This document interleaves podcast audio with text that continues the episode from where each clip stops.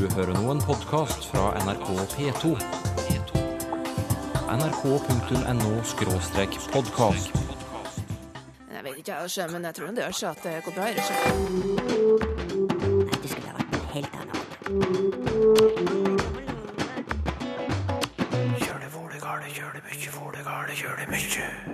Mange stedsnavn har ordet salt i seg. Hvorfor? Ja, det har med saltkoking eller saltbrenning å gjøre. Langt tilbake i tida. Og kan du gi et eksempel på absolutt gradbøying?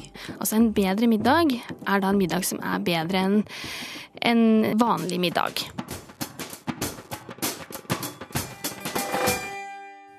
Du ser litt um, irritert ut, Sylfest Lomme. I am not amused. Såpass, ja. Hva gjelder det? BB, bilberging. Ja, Vi berger jo ikke biler. vi får se. Senere. Kjenner du noen stedsnavn med ordet salt i seg? På Facebook skriver Nina Merete Gjerseth at hun kjørte oppover Hallingdalen og la merke til et skilt som pekte mot Saltkjelen. Pussig navn, skriver Nina Merete, og forteller at hun la spesielt merke til det fordi i Romsdalen, der hun er fra, finnes det et sted som heter Saltkjelneset. Kan dere si litt om bakgrunnen til Saltkjelen og Saltkjelneset, spør hun. Stedsnavngransker Inge Særem, kjenner du til Saltkjelen i Hallingdal? Nei, akkurat det navnet kjenner jeg ikke til. Eh, Og jeg har heller ikke, heller ikke sett det på kart. Men eh, et navn Saltkjelen og Saltkjelneset langs kysten, det vil være helt vanlig.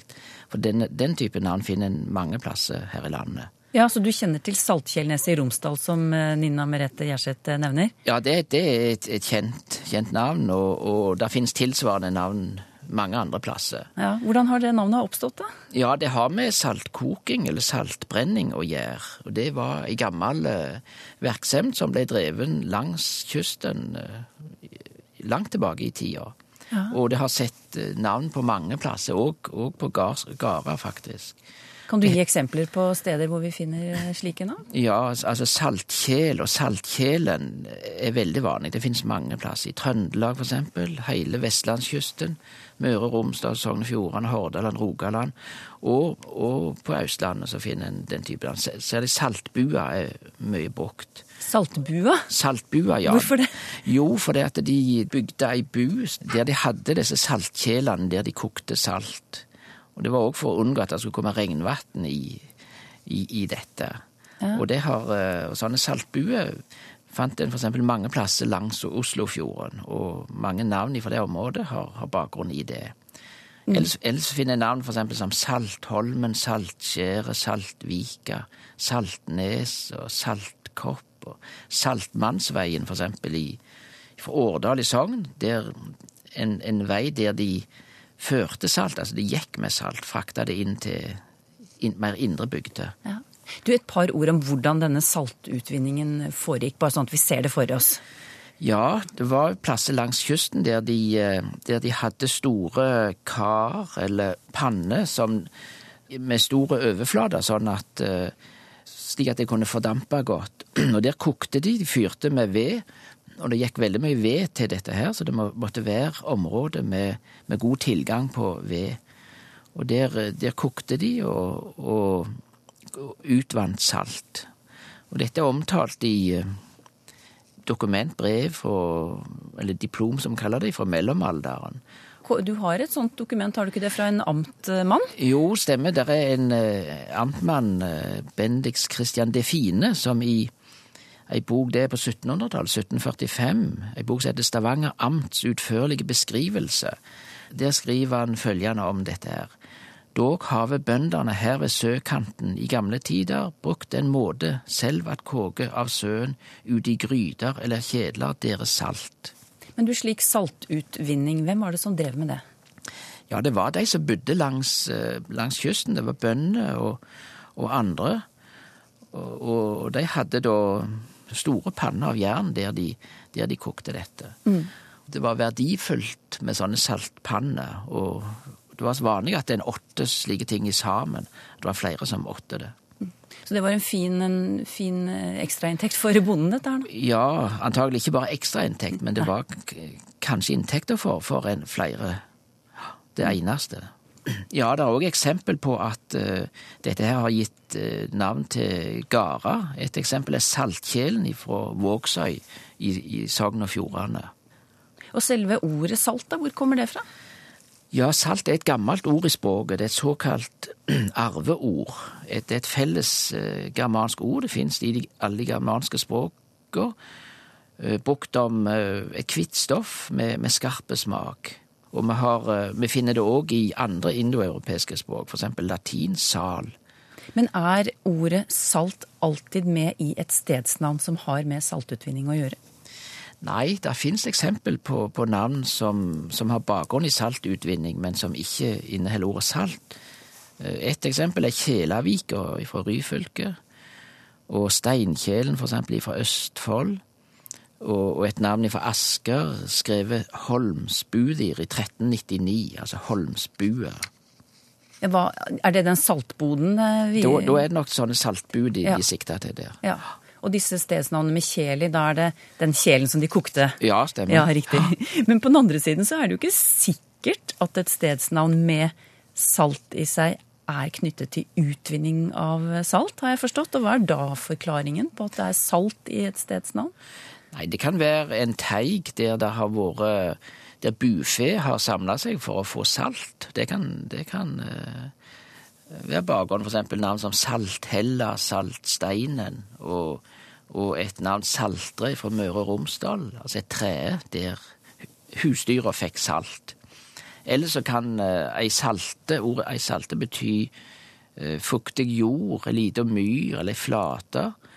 Altså sikta mer til terrenget. Det er et navn, et gardsnavn på Jæren, Salte for eksempel, som, som er brukt om et låglent, flatt område med sjøen, som tidligere var overflømt av, av sjøen da.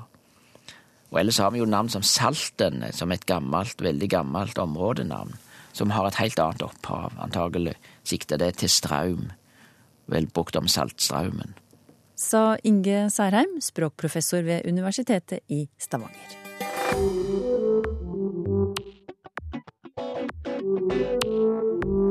Gøril Grov Sørdal, kjære kollega, velkommen inn i Språkteigen-studio. Takk skal du ha. Var jo- Du har jo vært innom dette programmet her du også, som programleder, Ja, for noen år siden. Og noe av det kjekkeste jeg lagde, det var reportasje om navn. Ja, Ja. Og det er et stikkord fordi du skal i gang til høsten med en helt ny serie om navn i NRK1 fjernsyn, altså. Riktig. Og så har du en etterlysning, og hva er det du er ute etter? Vi får tak i veldig masse kjekke folk med fine historier, men vi mangler noen som har et kallenavn som sitter fast som det er limt fast, men så de kanskje er litt lei.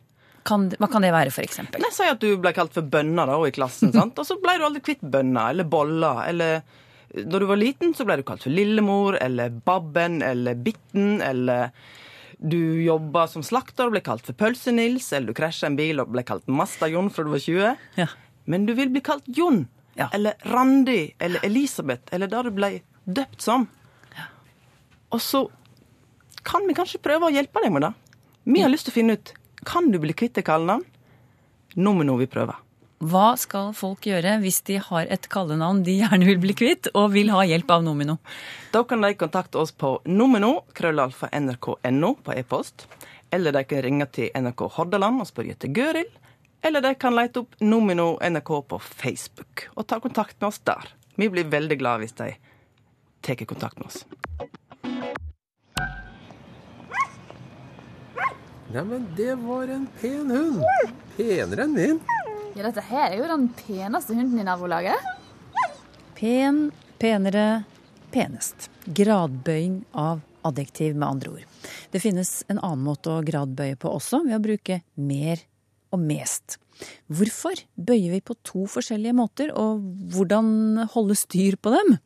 Språkviter Eivor Finseth Spilling, du har skrevet en masteroppgave om gradbøyinger. Hvorfor har vi to måter å gradbøye adjektiver på? Nei, Det er ikke så lett å gi en god forklaring på det, men én måte vi kan forklare det på, det er å gå tilbake til gradbøying i sin mest opprinnelige form. For vi antar at det på et tidspunkt bare var mulig å gradbøye adjektiver gjennom endelser, de endelsene som i dag er erest. Jaha.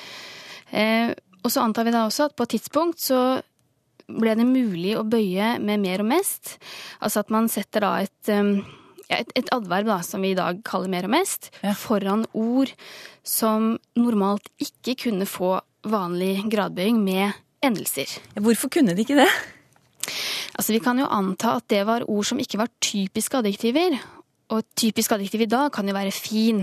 Sant? Det er et eh, adjektiv som uttrykker en egenskap, og som lett lar seg gradere, og det er kort. Så det er veldig lett å sette på en endelse. Fin, finere, finest. Ja. Mens eh, andre ord, som eksempel partisipper, de er ikke typiske adjektiver. De kan brukes som et adjektiv, men de har jo også mye til felles med verb. Krevende, eksempel, eller kjent. Det er ikke så lett um, å, å se at det alltid er et adjektiv, og ikke like, like lett å sette til en endelse. Ja, det var noen eksempler. Men, men hvordan er reglene i dag? Når, vi, når gradbøyer vi på den ene måten, og når gradbøyer vi på den andre måten? Ja, altså hvis vi går til f.eks. for eksempel norsk referansegrammatikk, som er det store oppslagsverket vi har om norsk grammatikk, så sier jo de at det er ikke noe klart skille mellom adjektiver som får bøying med endelser, og adjektiver som får bøying med mer og mest. Men de sier likevel at vi kan sette opp en del regler som viser hvilke adjektiver som bøys på den ene og på den andre måten. Og veldig generelt så kan vi da si at adjektiver som er komplekse, og da mener jeg adjektiver som enten er sammensatt, for eksempel eh, snøfattig, hvor vi setter snø og fattig Ja. sammen, eller som er avleda. Avleda, det er for eksempel da sånn som damete, hvor vi har eh, et substantiv dame som har gitt adjektivet damete. Sånne komplekse adjektiver de får vanligvis bøying med mer og mest.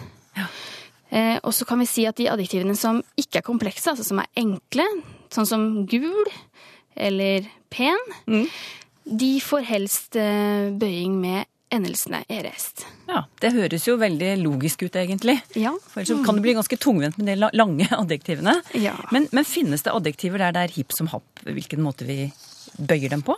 Om vi bruker endelse eller mer mest?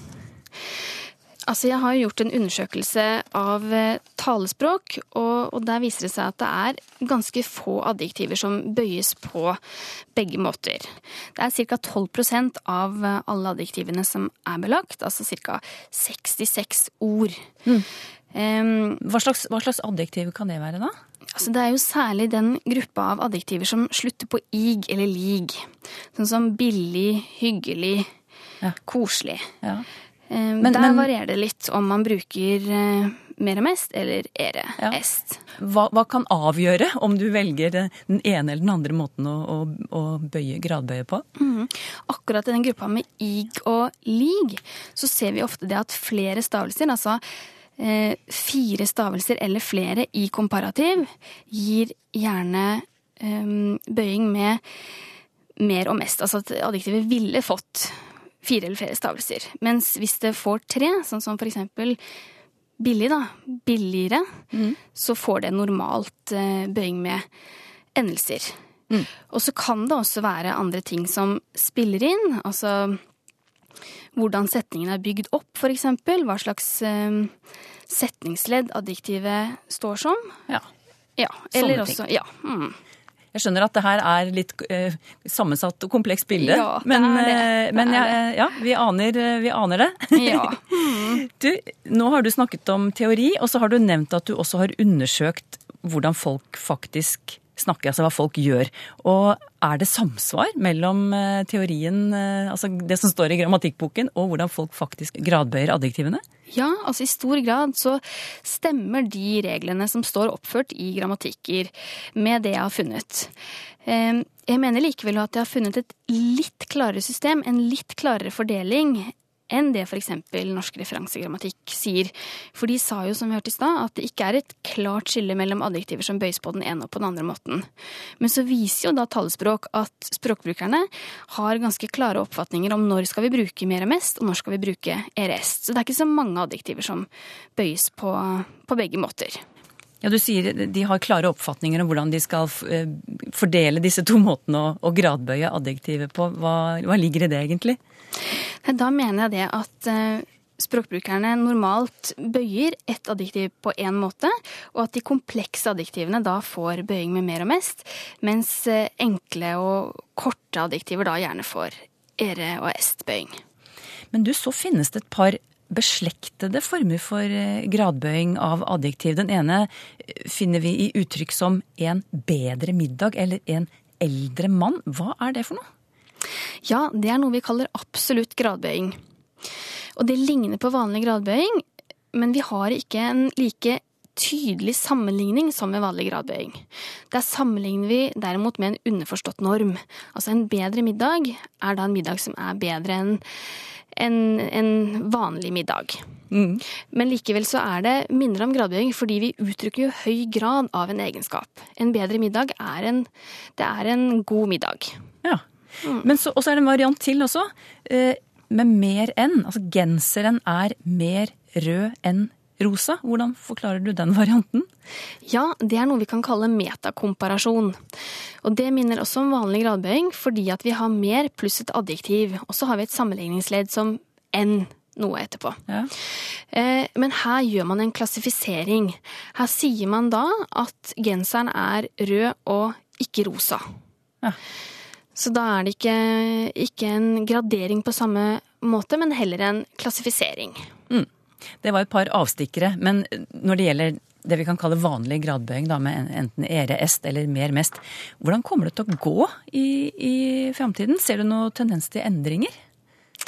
Altså, det har vært nevnt i grammatikklitteratur at bøying med mer og mest øker på bekostning av suffiksbøying. Eh, Og du kan si at den gruppa av adjektiver som blir bøyd med mer og mest, den er veldig stor, og den består av veldig mange ulike typer adjektiver. Men hvorfor, hvorfor, hvorfor skulle mer mest eh, ta over? Nei, fordi når det er sagt, så, så er det ingenting som tyder på at vi vil slutte å bruke endelser når vi bøyer adjektiver. Eh, For vi ser at de adjektivene som bøyes med endelser, de er gjerne veldig frekvente. Det er ord vi bruker veldig mye, sånn som dyr, fort, høy. Det er veldig innarbeida at vi sier dyr dyrere dyrest og høy høyere høyest. Eh, Og det er jo en veldig økonomisk måte å, å si noe på. Um, Så det er ikke noen grunn til å tenke at vi kommer til å si høy mer høy mest høy, når det fungerer så godt å si høy høyere høyest. Det mente språkviter Eivor Finseth Spilling, som har skrevet masteroppgave om gradbøying. Hva har man egentlig sett hvis man har sett snurten av noe? Det er Ina M. Merkesdal som spør, og hva svarer du, Sylfes Lomheim? Da har vi så vidt bare sett noe, for snurt, det er i slekt òg med snert. Og eh, det var i utgangspunktet den ytste enden på et tau. Altså den, den ytste enden. Så ser du bare enden på tauet, så har ikke du sett mykje. Og eh, snurt kan òg brukast om eh, ja, nasen, altså spissen på hovedet. Den ytste siste delen av hovedet, og det er jo nasen. Så snurten av kan være nasen på noe også. Per Terje Torkelsen reagerer på uttrykket bilberging, f.eks. Veien er stengt pga. bilberging. Eh, Han syns at berging skal være knyttet til personer og dyr og levende vesener. Hva har dette med kjøretøy å gjøre, spør Per Terje Torkelsen. Ja, nei, jeg òg syns dette er Hvis jeg skal si det på ikke-norsk I'm, I am not amused. Jeg syns ikke snakking om bilberging er noe. Det eneste fine med det er jo at vi har bokstavrim, såkalla alliterasjon. BB, bilberging. Så det er et lydelig et artig ord, men vi berger jo ikke biler. Vi berger mennesker som er i nød, eller dyr. Så veien skal jo ryddast for, for biler, eventuelt. Men det er jo veldig greit med sånn kort eh, ord, da. Ja I en da. overskrift, en avisoverskrift f.eks., eller Ja, Ja. Det, det er det, men det er ikke noe uh, mønstergyldig språkbruk å snakke om å berge biler. For å berge noen, det er- er knytt til levende vesen og mennesker. Nils Kristian Sørensen har et spørsmål om tegnsetting i forbindelse med bruk av anførselstegn. Han lurer på hvordan vi plasserer ja, f.eks. punktum og komma når en setning eller et ord står i anførselstegn. Skal det være innenfor eller utenfor eh, anførselstegnet? Her er det snakk om å bruke logikken. Hvis vi har ei setning, og den slutter med punktum, og vi siterer den setninga, så skal sitatteiknet, altså hermeteiknet eller anførselstegn, stå etter punktum. Logisk nok. Og det samme med hvis det er et heilt spørsmål som blir avslutta med spørsmålstegn, så skal òg hermetegnet stå etter spørsmålstegnet.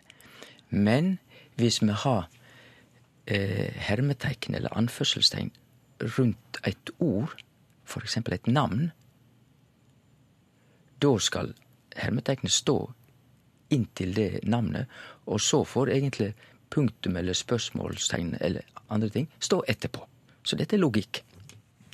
Leif fra Drammen skriver eh, brev til oss. For en tid siden ble det i Språkteigen nevnt dette med å skrive hvert ord for seg i uttrykk som består av flere selvstendige ord, slik som i alle fall. Det samme gjelder vel med i dag? Men hvorfor skriver vi i går og i fjor, da verken går eller fjor er selvstendige ord? Og det er helt rett observert. Så her har vi et tilfelle i rettskrivinga der det ikke er så lett å være konsekvent. Vi må liksom velge en form for konsekvent tankegang og basere oss på den. Fordi eh, Leif fra Drammen har rett i at når ord kan stå aleine, så skal vi skrive det aleine. I år, i morgen, i dag, i kveld, osv. Og, så og så har vi disse to uttrykka i går og i fjor. For fjor og går er jo ikke selvstendige ord, men vi skriver dem som to atskilte ord likevel, og der er jo eneste forklaringa at dette er en sekk med uttrykk som dreier seg om tid, i dag, i morgen, i år osv. Og, og det ville bli veldig rart om vi plukka ut to av dem og skreiv dem på en annen måte enn resten. Det er nok forklaringa.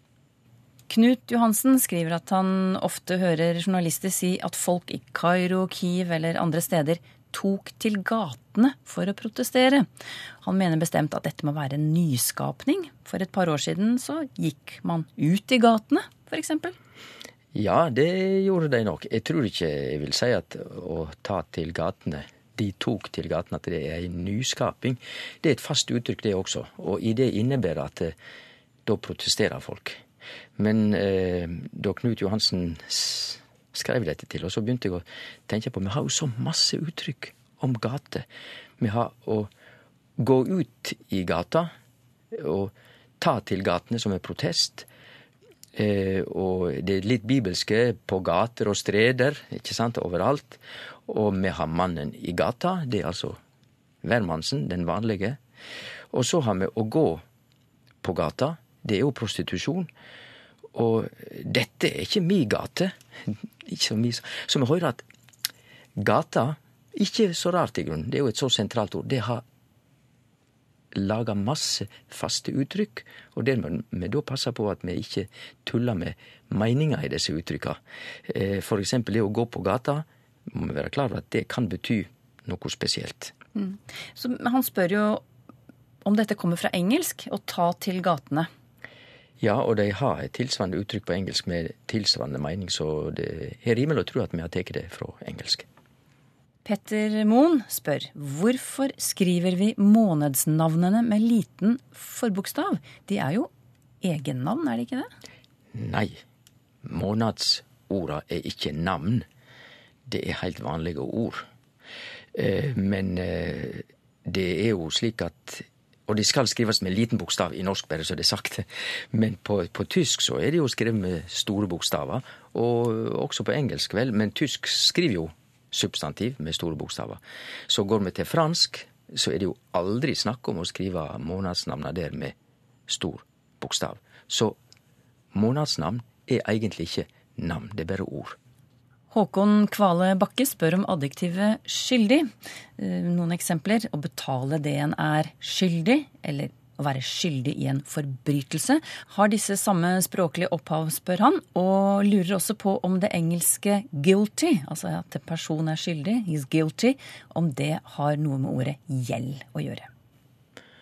Og der har vi da to spørsmål. For det første, det å være skyldig i et brotsverk og det å skulde penger, om det er samme ord Pavle, så er svaret ja. Ei skuld er noe som du er ansvarlig for, som du har gjort, og som du må gjøre opp for, eventuelt. Så var det dette med, med guilty på engelsk, om det har noe med gjeld å gjøre på norsk.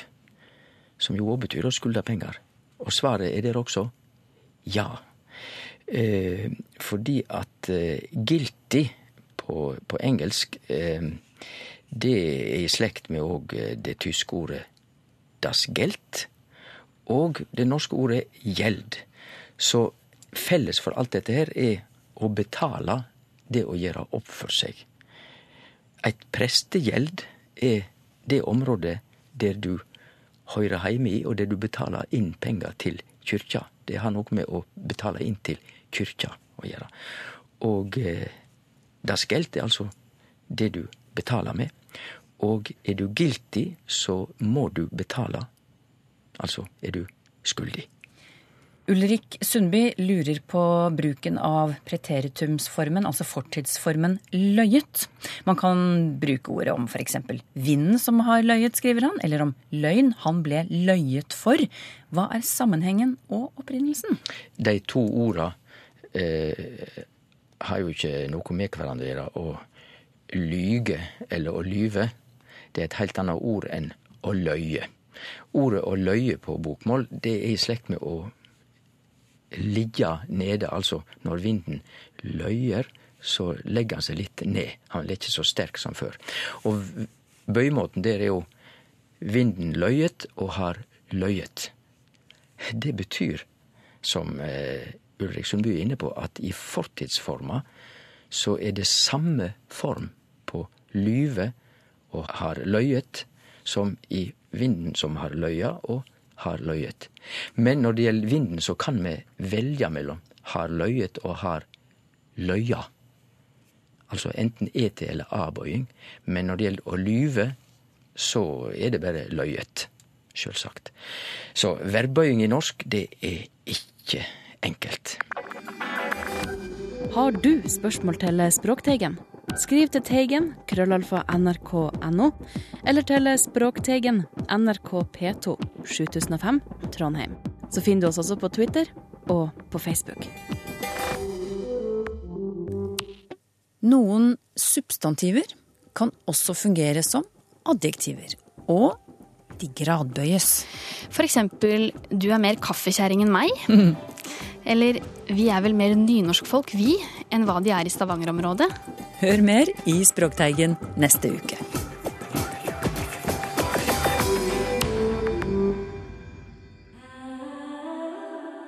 nrk.no podkast.